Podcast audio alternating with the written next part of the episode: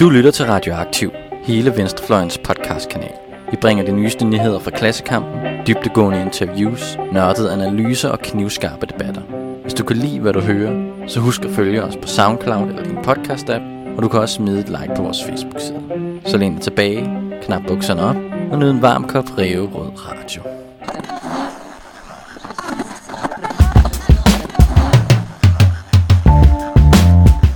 Den amerikanske filosof Brian Masumi har skrevet i en, i en analyse af ham, at grunden til, at han kunne blive præsident, var, at han var en elendig skuespiller. Paludan bruger jo også hans ytringsfrihed til at mindske andres ytringsfrihed ved at bidrage til en stigmatisering. Så hvis ikke det har været en Disney-film, så er det ikke værd at bevare.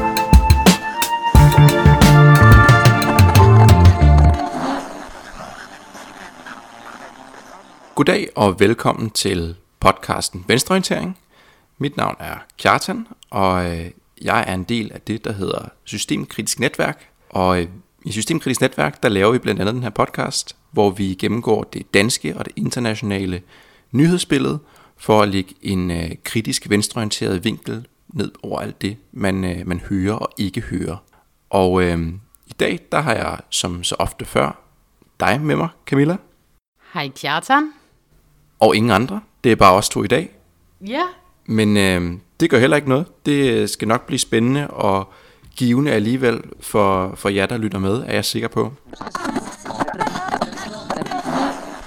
Der er jo, øh, der er jo sket noget i, i den forgangne uge. Er der det? Ja, der er sket lidt af hvert. Men før vi ligesom går til, skal vi sige, de nyheder, som er, er vigtige for de fleste mennesker, så synes jeg lige, vi skal pause et øjeblik ved det, der skete i sidste uge, øh, som var en, sige, en øh, intellektuel storkamp. Titanernes duel. Det var mødet mellem Slavoj Žižek og Jordan Peterson. Vores allesammens øh, fulde marxistiske onkel og chauvinismens kropsliggørelse i øh, Jordan Peterson. De mødtes jo til en debat. De har jo haft sådan lidt udvekslinger igennem et stykke tid, og øhm, nu mødtes de så for første gang og de skulle de, diskutere lykke og øh, kapitalisme mod øh, marxisme. Og øh, aften tog en lidt mærkelig drejning, kan jeg godt afsløre. Øh, jeg kan ikke anbefale og folk at forsøge at kæmpe sig igennem øh, to timer og 40 minutter med dem. Øh, jeg har ikke klaret det alt sammen endnu, men, men, men det jeg har set var mærkeligt. De to de snakker meget forbi hinanden, kan jeg afsløre. Øh, Zizek han, han nægter at, at snakke om emnet, om lykke. Det forholder han sig stort set ikke til. Peterson han snakker om, øh, om marxisme, øh, selvom han tydeligvis aldrig nogensinde har studeret marxisme, eller kender til de helt grundlæggende begreber. Og så ender det faktisk med, at de på en eller anden måde bliver venner. Ja, det havde man ikke regnet med.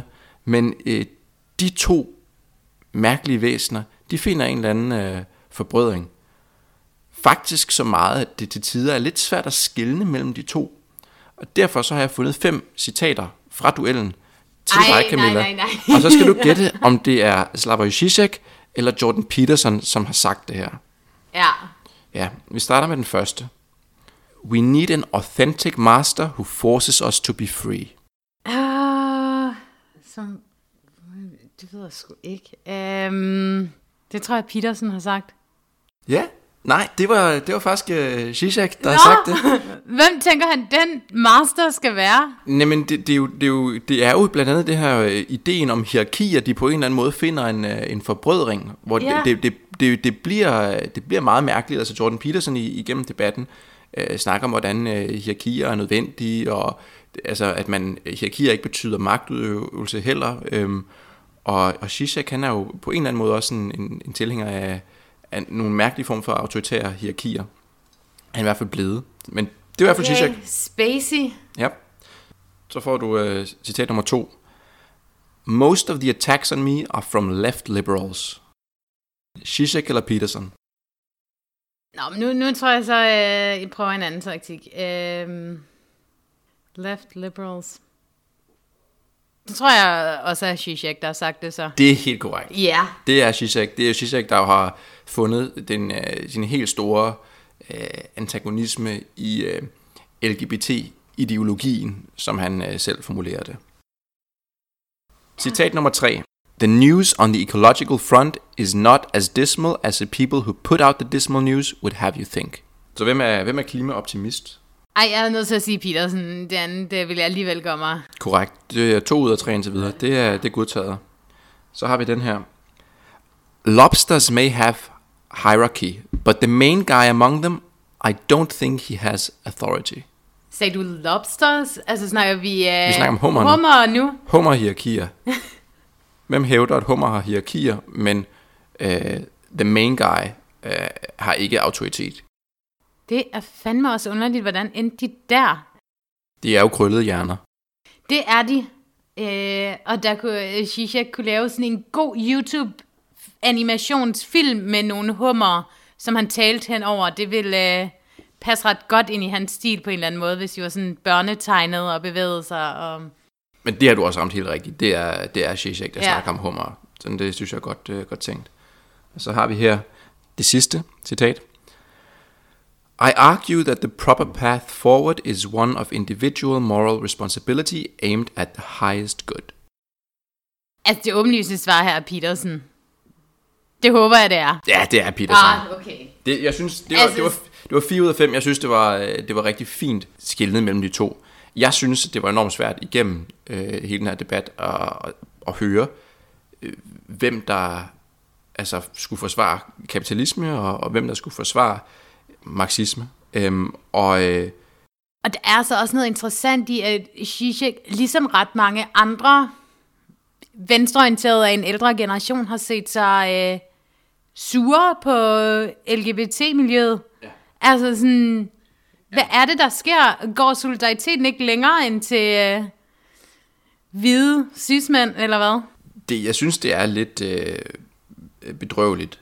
Øhm, og Zizek, han får faktisk også, øh, han får indrømmet i, i løbet af debatten her, at øh, det med at kalde sig selv kommunist, det er noget, han gør for at provokere. Han, han ser sig ikke sig selv som kommunist.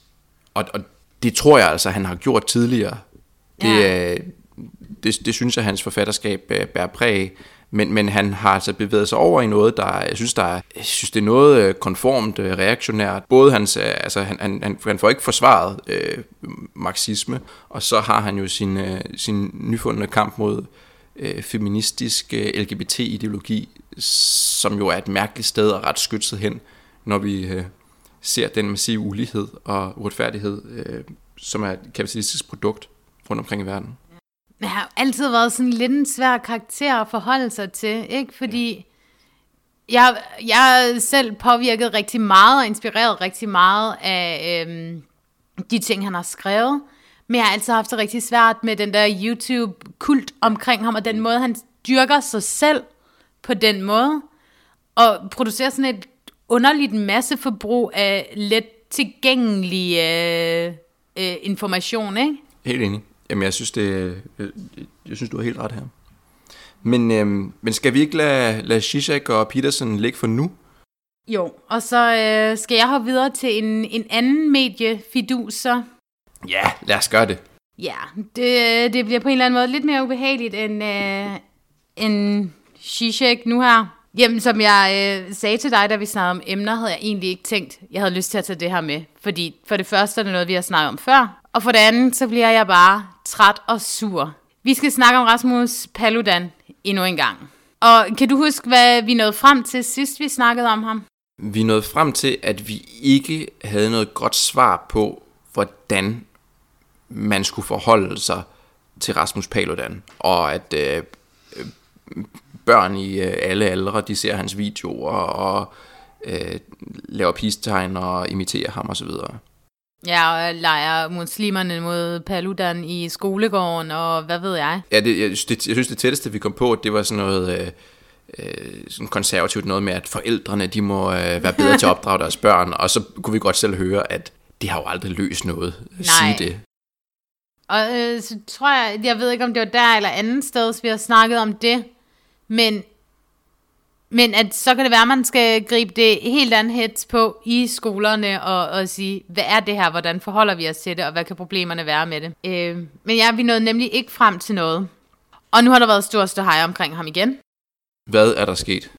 Der er sket det, at øh, han skulle have lavet en happening, eller et, øh, hvad, hvad kalder han det, han laver, når han tager ud og brænder koraner af? Jeg tror, han selv kalder det demonstrationer.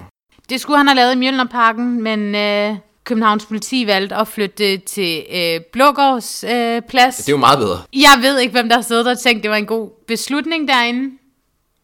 Og så kom der voldsomme optøjer. Bilafbrændinger. Det blev stoppet ret hurtigt, så vidt jeg forstod hans øh, demonstration. Han skulle være blevet angrebet på en eller anden måde, og så blev Lidt politiet for- angrebet. Og... Og lidt forskellige historier om, øh, alt efter hvem du spørger, hvordan han er blevet angrebet. Ikke?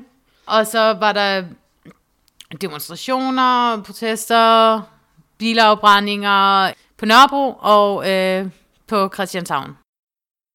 Men det har rejst øh, voldsom debat omkring øh, igen Rasmus Paludans øh, politibeskyttelse og hvor meget politibeskyttelse der er behov for. og grænserne for ytringsfrihed. Ja, Om, øh, om man har ret til at, at gøre det alle steder hele tiden. Og netop det der med hele tiden, ikke? Fordi han har øh, på et år, hvad er det, demonstreret 70 gange eller 50 gange? Ja, ja eller jeg tror, det er mange flere faktisk, men, øh, men mindst ja.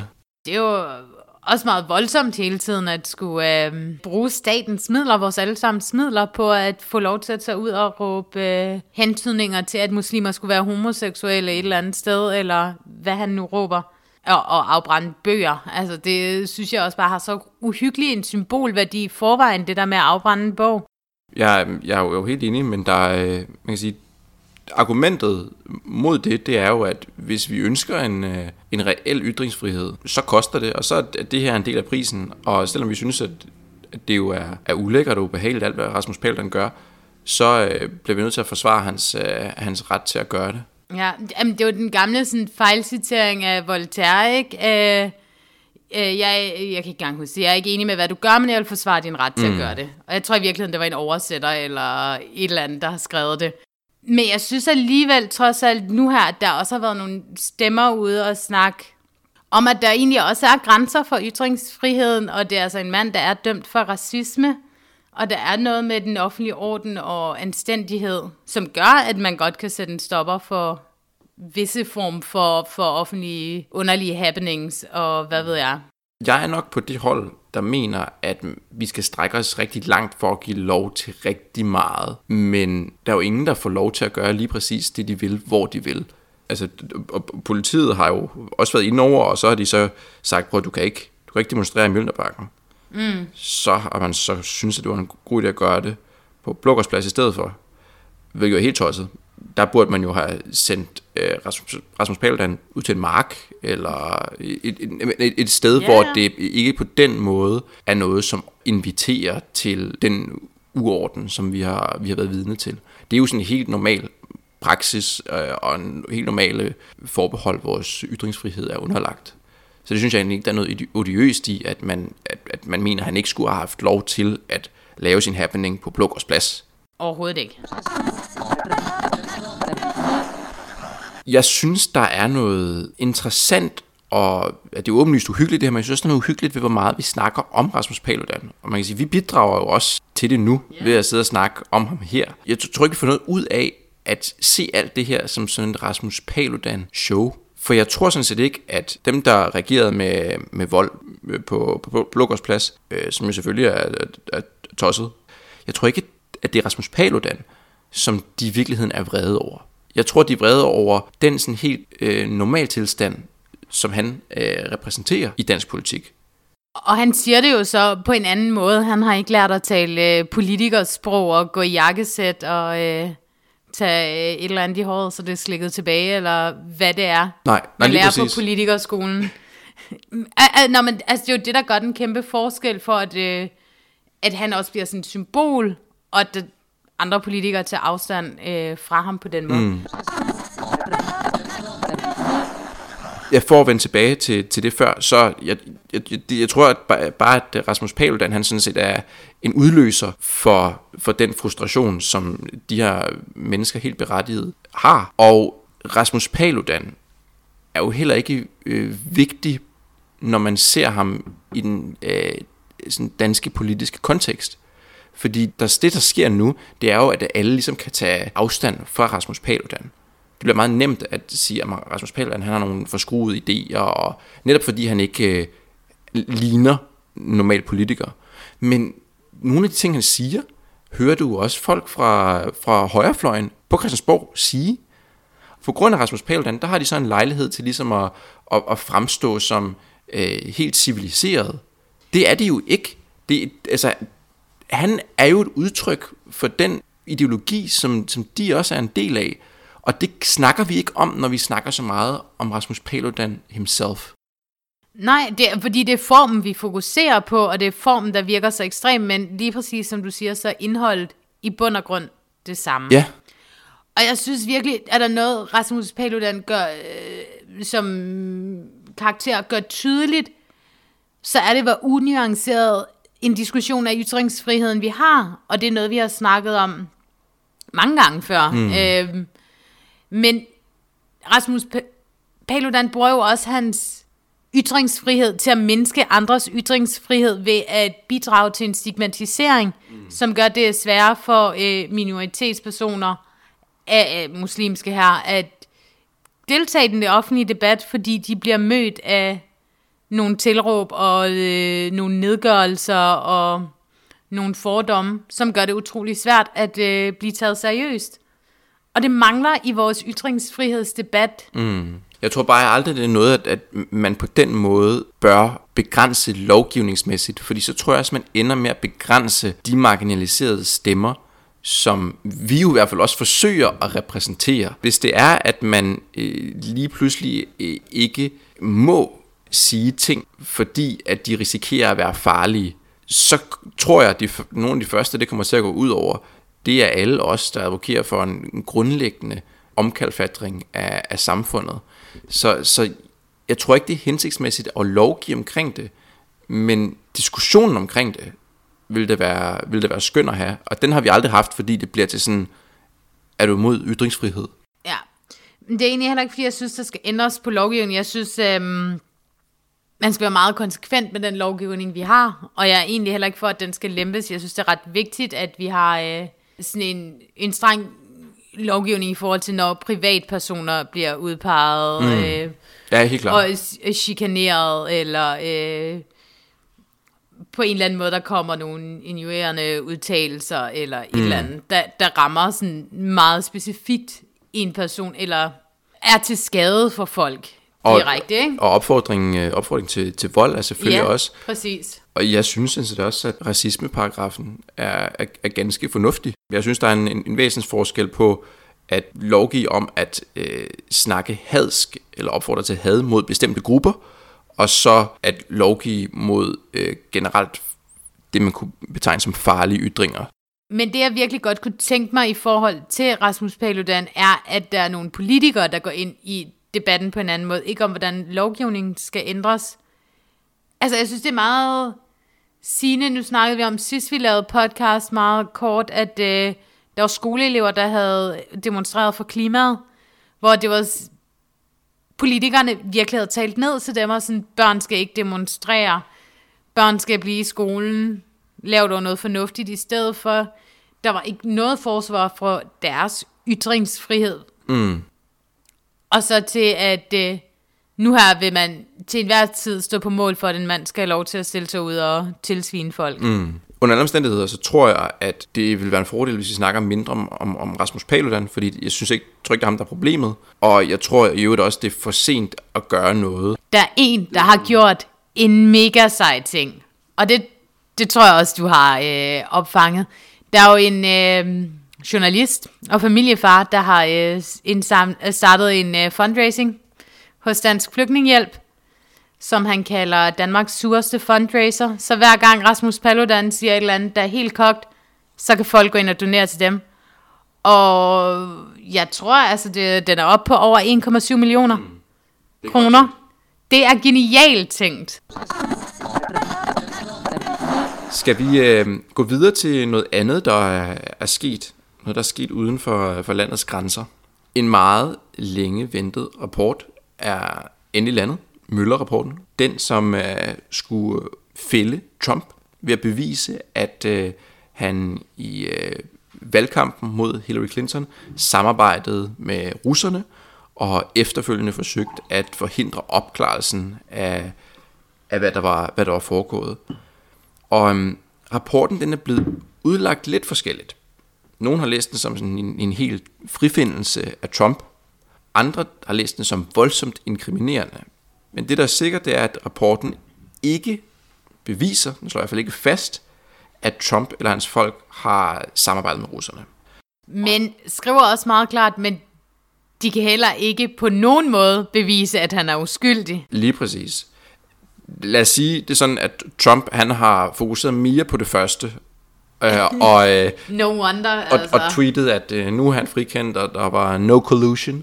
Men så simpelt er det selvfølgelig ikke, for rapporten siger jo netop, at man ikke kan fri, frifinde ham, og man havde frifundet ham, hvis man havde grundlaget på at, Ja. til at gøre det. Den siger også, at øh, Trump jo faktisk bad sine folk om, at øh, i flere øh, øh, henseender, om at for, altså forhindre den her undersøgelse, øh, men at det øh, ikke lykkedes, primært fordi de nægtede at adlyde hans ordre. Det kan man så til- tænke lidt over. Og rapporten konkluderer også, at russerne blandede sig, og Trumps folk egentlig var, var okay med det.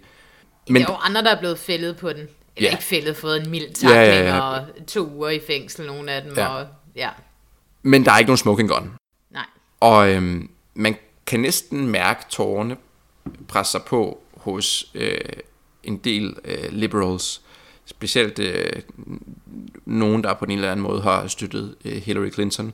Jeg øh, har sappet forbi et par af de her øh, amerikanske talkshows med øh, liberale værter, og der er altså har fokuset virkelig været på at finde alle de eksempler i rapporten her på, hvordan at, at der blev insinueret, at Trump har været øh, skyld, gjort sig skyldig i noget, der er kriminelt.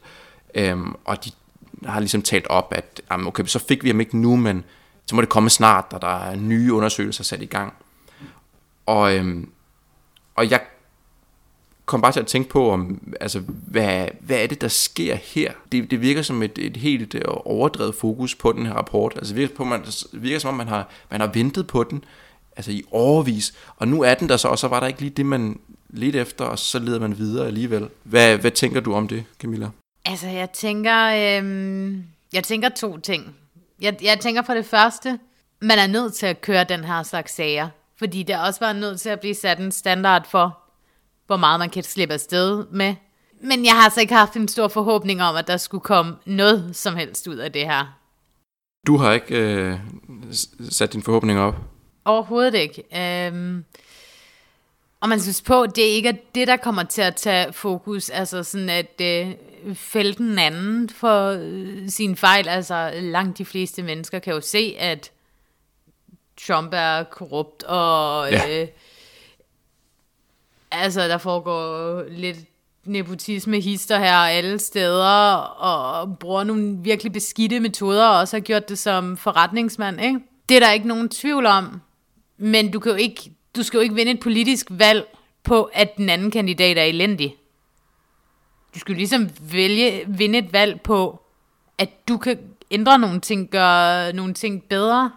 Mm. Jamen, he- helt enig. Altså, jeg var oprigtigt bekymret for, at rapporten her ville vise, at, øh, at, at Trump havde handlet helt ulovligt, og at man øh, havde sat hele systemet i gang, og man faktisk havde væltet ham på den her baggrund. For det tror jeg simpelthen vil have fået øh, USA til at øh, altså, implodere fuldstændig. Jeg tror, at jeg tror netop, som du siger, folk ved jo godt, at han er, har begået ulovligheder. Altså, du kan, du kan jo se det på manden. Du, altså, du kan jo se, hvor kriminel han er. Jamen, han, har, altså, han har jo været øh, altså, øh, dybt korrupt i, øh, gennem, hele sin, gennem hele sin karriere. Men, men de folk, der, der, der øh, støtter ham, er jo ligeglade med det. Det er jo ikke det, der betyder noget for dem. Hvis han var blevet væltet på den baggrund, så tror jeg, vi vil have set et raseri af en anden verden. Jeg, jeg, jeg synes simpelthen, det er en, en arrogant liberal holdning at have det her med, at man har forsøgt at fælde ham på øh, nogle, øh, et, skal ikke sige teknikaliteter, men på, øh, på, på fodfejl eller på noget, han har gjort forkert, i stedet for at udfordre ham politisk. Jeg er helt selvfølgelig ja. enig med dig i, at man bliver nødt til at have en eller anden form, form for øh, magtinstans, der kontrollerer, at politikerne de gør det, der er lovligt. Men ja, altså, det må være hans politiske projekt, hans elitære politiske projekt, hans klimabenægtende, hans racistiske politiske projekt, det må være det, man udfordrer og overvinder. For altså, ellers så, så, så sidder folk jo bare og venter på, på den næste Trump. Altså, og endnu flere vil jo føle, at han er blevet uretfærdigt behandlet, hvis det er sådan, at der er en... Øh, sådan, hvis The Swamp har øh, konspireret om at, om at vælte ham, de demokratisk har, har valgt, ikke også?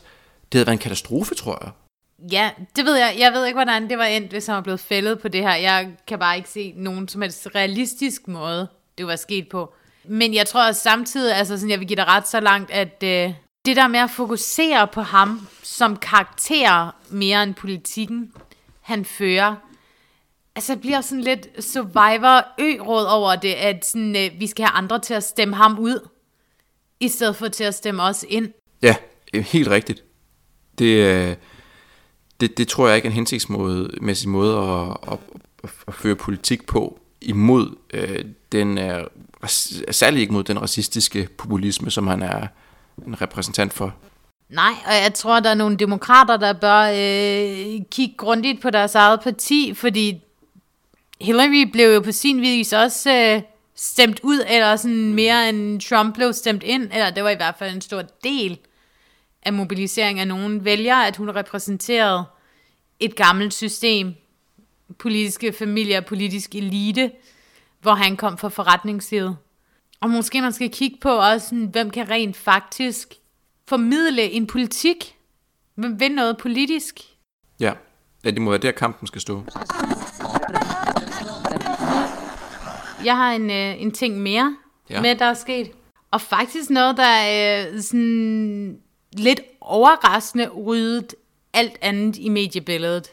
Notre Dame brød i brand den 15. april, så det er en lille uge siden. Og, og sådan brød i brand på grund af den, øh, øh, det vedligeholdelsesarbejde eller restaurering, der var i gang. Og øh, hele den aften, hvor det brændte, var der, var der ikke andet. Mm. Nogle steder i tv og live-dækning og øh, den slags ting. Og øh, stor bekymring omkring, hvordan man kunne... Øh, redde øh, hellige artefakter og øh, redde så meget som muligt af katedralen. Og efterfølgende, efter at øh, brand blev slukket, er der blevet doneret voldsomt mange penge. 1 milliard euro, hovedsageligt af øh, franske rimandsfamilier. Så voldsomt, voldsomt mange penge til det her genopbygningsarbejde. Og jeg har egentlig taget lidt det her med af, af to grunde. Både fordi det er sådan, øh, det bliver virkelig udpenslet her, hvor meget den økonomiske elite, altså sådan den der, the 1% of the 1%, kan rykke. Og så virkelig fuldstændig sindssygt, at det er et bygningsværk, der bliver doneret så mange penge på, når der er øh, ofre for krig, der er øh, børn, der sulter, i der er epidemier i Yemen, der er så mange ting, man kunne donere øh, penge til. Og samtidig så... Øh, og og det, det, det synes jeg er en rigtig vigtig pointe, som ikke kommer frem så meget i den her diskussion. Jeg vil dog sige samtidig, jeg synes også, der er noget vigtigt i at bevare øh, verdenskulturarv, men der er sådan en meget tydelig øh, global skævvridning af, hvilke øh, verdenskulturarvs øh, steder vi bevarer, eller gør meget for at bevare. Fordi vi er jo samtidig i en situation, hvor øh, der er masser af øh, UNESCO-sites, der er blevet destrueret i krigen i Syrien. Så jeg synes, der er sådan en meget stor udtalt forskel på, hvilken kulturarv folk vil gøre noget for at redde og bevare. Hvad synes, skal vi starte med, øh, med det der med historiske steder, der bliver sat over menneskeliv? Ja, lad os gøre det. Altså, jeg er jo helt enig med dig i, at, øh, at selvfølgelig så er historiske steder en, ja, en del af vores historie, en del af vores, vores liv nu, og det skal, skal vi bevare og, og beskytte. Men det, der er jo noget helt, helt grotesk i, at man på under en uge kan rejse en milliard euro til øh, en øh, kirke, som der har fået ødelagt sit tag. Og et spire. Og, og, og, og, og, og spire. Ej, så kan jeg godt se, det, laver, det ændrer faktisk det hele. Ej, øhm, spørg til side. Det er jo helt grotesk, at man kan få øh, rige mennesker til at donere penge til det, mens de gule veste øh, protesterer, fordi at øh, folk bliver nødt til at have øh, tre jobs for at kunne øh, have penge nok til mad til deres børn osv. Altså, jeg, jeg, jeg tror, at det her det er noget af det, som det kan ende med, at øh, skal vi sige, accelerere de frustrationer, som de mennesker, som ikke har øh, en milliard til at donere, øh, de har i forvejen, når de ser, at hey, det er jo, der, der mangler jo ikke penge. Så, som, det, som vi har snakket om før, der tydeligvis, det er jo, ikke, det er jo ikke, fordi man ikke kan øh, gøre noget ved, ved ulighed og ved fattigdom, ved, ved manglende velfærd. Det er fordi, man ikke vil. Og øhm, det udstiller det her jo på øh, helt for, for underlig vis. Jeg synes, der er noget... Øhm, jeg synes, der er noget interessant i, hvad det er for nogle tanker, der ligger bag, når man kan donere de her sådan, øh, over 1 milliard euro på, øh, på under en uge. Om, at, altså, men man samtidig ikke gør det til, øh, til fattige mennesker. Er det fordi, at man mener, at, øh, at de f- ikke fortjener det? Eller er det fordi, man ikke tænker så langt? Eller hvad er det? Eller er det noget systematisk, der gør, at, øh, at det simpelthen ikke sker? Jeg, jeg, jeg, jeg, synes, der er et eller andet spændende. Øh, der er noget, øhm, et moralsk habitus der, som, øh, som undrer mig. Ja, og øh, jeg tror egentlig, det er flere ting, men det er også sådan et eller andet øh, symbolsk over den kirke, ikke? Og sådan nærhedsprincipper, øh, noget med at føle, føle sig forbundet til, og det er jo helt absurd, så meget vi snakker om det i Danmark, altså hvor mange mennesker i Danmark har et mm. forhold til en katedral i Paris. Jamen, jeg tror, du er helt ret. Jeg tror faktisk, helt oprigtigt, så tror jeg, at folk bliver, bliver mere ked af det her, end de bliver til dagligt over, hvor skidt der er andre mennesker i vores samfund, der har det. Jeg tror, at det her har gjort et, et, et, et større følelsesmæssigt indtryk på dem, end endnu en nyhed om, at øh, der er øh, mellem 100 og 200.000 danskere, som der ikke øh, altså, har råd til at spise ordentligt. Og jeg tror måske, det er også der, hvor at, øh, katten ligger begravet, når man så tænker på, at de øh, rige familier, der så kan finde penge til, øh, til, til genopbygningen af Notre Dame. Jeg, jeg tror simpelthen, det er fordi, at, at det rører dem mere. Og det synes jeg er, det, det, det skal de egentlig ikke høre for, men det tror jeg det, der sker, når man har så grotesk ulighed i samfundet. Jeg tror ikke, jeg, altså man kan godt rejse til Paris, øh, og de her rige mennesker, de har sikkert været i Notre Dame, jeg ved ikke hvor mange gange. Det koster også kassen at komme ind, skal jeg jo øh, hilse at sige, så der skal man næsten være milliardær. aldrig været der. Øhm, nej, det har jeg heller ikke, for det var simpelthen for dyrt. men, men jeg tror simpelthen, at de har, altså, de har været oftere i Notre Dame, end de har mødt fattige mennesker. Det tror jeg også. Og så tror jeg, der er sådan noget formidlingsmæssigt i det, at det er en kirke, der også har været øh, central i, i, i sådan folkekært litteratur, mm. og øh, som er sådan et, øh, et varetegn for en by, der også er et varetegn for noget bestemt europæisk, ikke? Mm. Øhm, at det betyder noget. Og så tror jeg, som du sagde før, det der med, at, øh, at, at nogle rige mennesker simpelthen tænker, at de fattige har fortjent deres skæbne. Mm. Altså, det, det, det er så bedrøvende, men det tror jeg, der, gør man, der er noget om, at der er rigtig mange, der tænker. Og, og det er jo noget af det, vi har, vi har snakket om mange gange før, ikke også? At det er jo i virkeligheden det, det er jo det ideologiske ophav, som vi er født med, med, om, altså, med at vi er, vi er fri, og vi, vi fortjener det, der kommer vores vej, og i virkeligheden, så er det, så er det en eller anden form for, for, skal vi sige, form for ondskab, hvis man tager fra de rige, som selv har skabt deres øh, formue, og så giver dem til nogen, som ikke har arbejdet for den. Ja. Jeg, jeg, jeg tror, at øh, jeg tror simpelthen, at man har, at ikke, ikke alene, så tror jeg, at de her mennesker, der kan donere til, til Notre Dame, jeg, ikke alene har de øh, et tættere forhold til Notre Dame, fordi de har været der oftere, end de har set fattige mennesker. Jeg tror også, de synes, det er mere synd for Notre Dame, fordi Notre Dame har, hun har ikke selv været udenom, at der kan give hende. Det har de fattige Men mennesker. filmen knækker jo også totalt, hvis vi så siger, øh, Yemen, tre kriser på en gang, en borgerkrig, hvor der så også lige øh, bliver blandet lidt, øh, blandet sig lidt fra Saudis side, hungersnød, en dårlig høst, øh, og så epidemier af sygdomsudbrud. De børn, der lever under det, hvordan kan de på nogen som helst måde have fortjent deres skæbne? Ja, jamen, præcis. Men, men der, der tror jeg så, det, at, at, at, at det spiller ind det her med, med skal jeg sige, øh, nærhed i forhold til øh, kulturkreds, som, som du har snakket om. At man har været enormt god til at bygge en forestilling op om, at vi har en, en samlet Vesten, hvor at vi øh, ligesom hører sammen, hvor vi deler kulturarv, hvor øh, Notre Dame også er vores, også er symbol på, hvad skal vi sige, på, på vestlighed og så videre, at, at det er det, som, altså det er det, som, som, som vi, vi, vi føler, det, altså det er, når Notre Dame brænder, at, at vi er kede af det, og det rører os sådan set Det mere. har vi jo meget direkte lært som øh, børn gennem en Disney-film, som vi har set, ikke? Jamen, men lige præcis. Altså. Lige præcis. Og det skygger så for alt, hvad der sker uden for sådan en, øh, en, en lidt diffus øh, vestlig kulturkreds.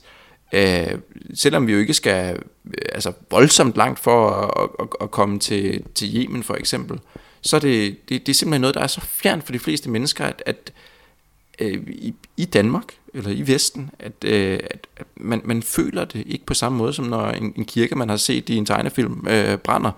Og det er jo, u- altså, det er jo en af grundene til, at jeg synes, at øh, Vesten som projekt er enormt ubehageligt, øh, en, en, enormt ulækkert, og i øvrigt så giver det jo på rigtig mange måder ikke mening, fordi der er øh, masser øh, værdimæssigt i øh, Mellemøsten, eller i Asien, eller i Afrika, som øh, jeg øh, føler mig øh, mere forbundet med, end jeg gør med sådan en, en, en vestlig kulturarv. Helt sikkert. Så vil jeg gerne lige gå videre til sådan det andet aspekt, jeg havde med. Øh, og det er egentlig mest fordi, jeg også... De sidste par år er det op flere gange, øh, hvordan destruktion af kulturarv, øh, og så en måde at føre en, en etnisk krig på, at destruere nogle bestemte folkegruppers øh, øh, historiske steder.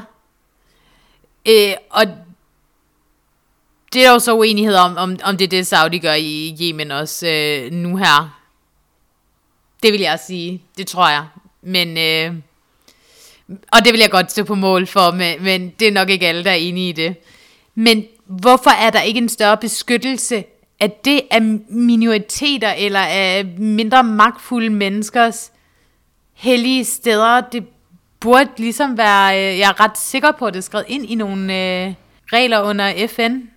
Jo, det, altså det, det er det jo, men øh, det kan godt være, at, at, øh, at, at vi formelt set er blevet enige om, øh, om noget, ikke også? Men den måde, som man fra, øh, vi fra vestlig side har tegnet øh, en, en verdenskortet i, i vores billede, viser med al, al tydelighed, at vi jo ikke, vi går ikke op i, hvad skal vi sige, lo, lokal kultur, uanset om det handler om, hvor der lige går en tilfældig grænse, eller øh, deres øh, flotte bygninger. Altså hvis ikke det har været en Disney-film, så er det ikke værd at bevare.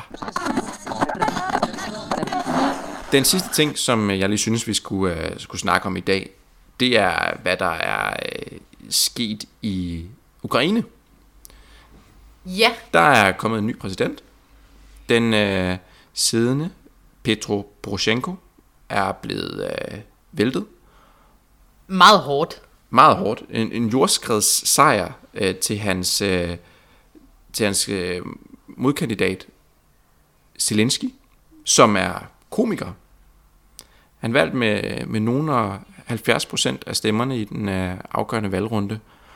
Og øh, det på sådan en, en lidt spøjs øh, politisk platform. Øh, det har været... Øh, altså han har ikke rigtig nogen politik, Zelensky her.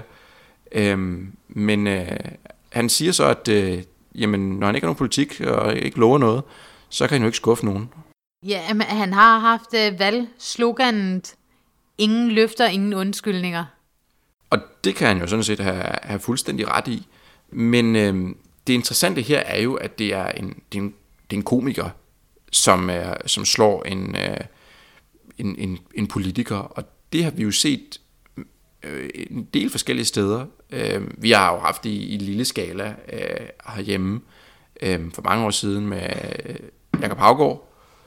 Øh, vi har set det for nyligt i Italien med Beppe og Femstjernebevægelsen. Øh, man kan måske også betragte Donald Trump som en slags komiker, i hvert fald en, øh, en, en, en reality-stjerne, ikke også? Ja, altså en kendis på en bestemt måde, en del af underholdningsindustrien. Ja, og, og så det er jo en, en tendens, at der er underholdningsfigurer, som der bliver politikere, og som bliver valgt ind øh, som protest mod det etablerede. Og øh, jeg tænkte på, om vi ikke kunne lære et eller andet af det. Et eller andet ud over folkevrede, så de stemmer på det modsatte. Vi er, vi er i hvert fald på en eller anden måde tilbage til det der med at stemme folk ude, når man hellere vil stemme på en mand, der siger, jeg vil ikke love jer noget som helst, fordi så bliver I ikke skuffet. End en, der vil fremlægge, der fremlægger, det er det her, jeg vil gøre, så du rent faktisk ved, hvad du får. Men risikerer at blive skuffet. Ja, og det, altså, jeg tror, jeg ser det som et, et, et tab af en eller anden form for autoritet i politikeren. Altså, hvor man før har, har lovet noget, og så har vælgerne stolet på, at om så vil man nok gøre det, så, så lover øh, Zelensky her ingenting. Og, og det er jo, øh, altså, det er jo, at, altså, umiddelbart ligner det jo at tage øh, politikerrollen, præsidentrollen mindre seriøst. Øhm, på samme måde som det ligner at tage politikerrollen mindre seriøst, når man øh, lyver som Donald Trump, og det er jo, det er jo, øh, det er jo helt postmoderne, ikke? Også, men der er ikke nogen sandheder, så man kan bare sige, hvad man vil, og folk de stemmer bare på det, der lige er sjovt i øjeblikket osv. Og, og så er man jo der sådan, er det et problem eller ej? Fordi jeg synes, det bliver jo ofte fremstillet som et problem. Øhm, og nu har Rune, Lykke, Rune Lykkeberg har jo lige skrevet en, en, en ny bog om Vesten mod Vesten, hvor øh, han blandt andet ser øh, Trump og øh, den her ja, postmoderne øh, præsident som en mulighed for, at vi ligesom kan vende tilbage på, altså på ret køl og med øh, sådan den liberale verdensorden osv. Øhm, det mener jeg er en, en, en fejlagtig måde at se det på, for jeg mener faktisk, at det der sker her med politikere, som ikke tages seriøst, det er, det, det er sådan set den rigtige vej at gå. Jeg synes ikke, det er noget, der skal få os tilbage på ret, øh, ret køl. For det, som de her politikere gør, det er, at de, de, de jo, jeg synes jo bare, at de tager embedet helt seriøst. Vi har jo aldrig haft politikere, som har været ærlige, som bare har sagt sandheden, eller som har øh, været seriøse. Altså vi har haft nogen, der har lignet det, de har iklædt sig en ham af, af noget seriøsitet, og noget, der er øh, presidential, og statsmandsagtigt, og øh, alt det her. Men det har jo ikke afholdt dem fra at øh, føre øh, morderisk politik, usolidarisk politik, være racister osv. Så, så jeg, jeg tror, at det er... Jeg ved ikke, om det var en frem på sigt, men, men, men, men lige nu, der synes jeg faktisk, det er, det, det er ret fint, at der er, er nogen, som, som viser, hvad, at, at, som er, er åbne om, at de ikke har noget at, at byde ind med. Ja, det, jeg ved ikke, om jeg er helt enig, i hvert fald ikke i, i graden. Jeg synes, det er øh, øh, pisseuhyggeligt at kunne vinde på ikke at øh, give nogen valgløfter. Men er det, er det mere uhyggeligt, end at vinde på, at man giver skal vi sige, enten øh, racistiske valgløfter, eller at give valgløfter, som man så øh, er fuldstændig ligeglad med efterfølgende. Det tror jeg faktisk, jeg synes er et større problem, end at man øh, kaster det hele i hænderne på en komiker, der ikke har nogen politik. Ja, så du synes, det er mere uhyggeligt, hvis vælger stemmer for en, de ved vil føre en aktiv racistisk politik, end en, som øh, er de er ligeglade med, om folk gør det eller ej. Ja, det mener jeg. Jeg mener, at, den, at, at sådan, den der... Sådan, Om tilvalget, ja. den, den, den der liberale måde at tænke øh, parlamentarisk politik på, er, er, er, er, i virkeligheden er mere uhyggeligt. Det er jo noget, som altså, Rune Lykkeberg længes jo efter, når snakker om sådan den øh, vest, øh, vestens guldalder øh, fra 50'erne og, og, og frem til, frem til 70'erne. Men, men, Rune Lykkeberg kan gå et øh, par afsnit tilbage i vores podcast-serie, og så høre, øh, hvad vi synes om fortidslængsel. Ja, præcis. Om, om fortidslængsel, og, og om, at, om at kende sin historie. For altså, ja. vi kan finde rigeligt med, i- med historier øh, fra, fra den periode også, hvor at det, som der på overfladen har lignet noget meget harmonisk og fint, det er jo er, er, er sket på bekostning af, af mennesker øh, rundt omkring i verden, der er blevet udnyttet på det groveste, er blevet slået ihjel.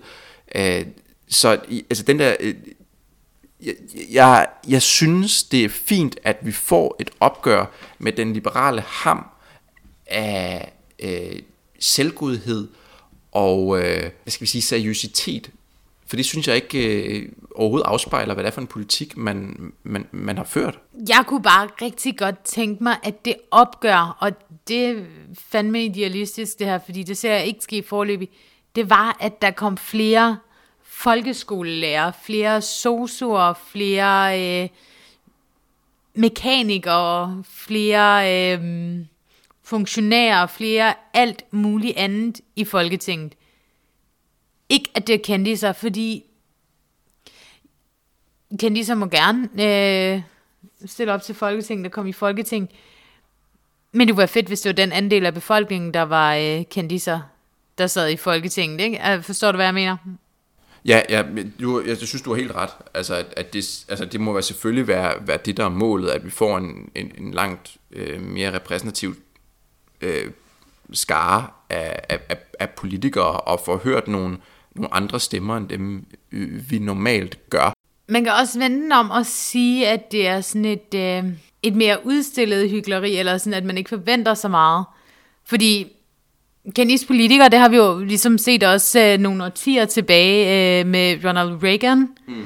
øhm, som den, øh, den amerikanske filosof Brian Masumi har skrevet i en, i en analyse af ham, at grunden til, at han kunne blive præsident, var, at han var en elendig skuespiller.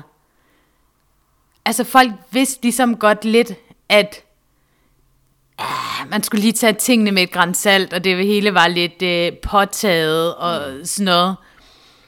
Og det kan der måske også være noget om med de her øh, kendis-figurer, og med Trump især, ikke? Altså sådan, vi er lidt tilbage til en øh, Schrödingers douchebag her, at du kan sådan selv vælge, om, øh, om du tager det hele vejen ud og tager det helt seriøst, hvad de siger, mm. eller om du tænker, ah, det er spil for galleriet, det er lidt store armbevægelser. Så fik vi også, øh, så fik vi også vendt både noget øh, ukrainsk og noget øh, amerikansk. Vi, øh, vi har været lidt rundt. Øh, endnu mere end vi plejer, synes jeg faktisk. Og øh, vi har snakket om, øh, vi har snakket om både øh, titanernes kamp, øh, Zizek mod øh, Peterson. Vi har snakket om øh, øh, Rasmus Paludan. Vi snakkede om Møller-rapporten, der skulle vælge Trump, men som ikke formåede at gøre det alligevel. Og så har vi snakket om, øh, om Notre Dame, og endelig om, hvad der sker, når komikere de, øh, de vinder præsidentvalg. Jeg synes, det har været sådan nogle lidt øh, blodige eller sådan voldsomme emner, ikke? Det har, vi faktisk, har det har været gang nogle, i i dag. Det har været nogle voldsomme øh, uger, det her, synes jeg faktisk. Ja, Men øh, det er godt. Så er der også sket nok til, at vi slap for at snakke om øh, pandaer og øh, øh, fodboldfans, der stadigvæk ikke kan finde ud af at bruge anstændigt sprog. Og... ja, men vi har ikke, vi har ikke glemt jer. Vi, Nej. er, altså, vi holder stadig øh, øjne og ører åbne. Og øh, det gælder sådan set også pandaerne. Det gælder også pandaer. Dem holder vi godt øje med. Og vi godt øje med. Så det De skal opføre sig ordentligt. Ja, det skal de er gæster i det her land. med, med de ord, så øh, siger vi øh, farvel for den, denne gang, og øh, vi håber, at I lytter med næste gang.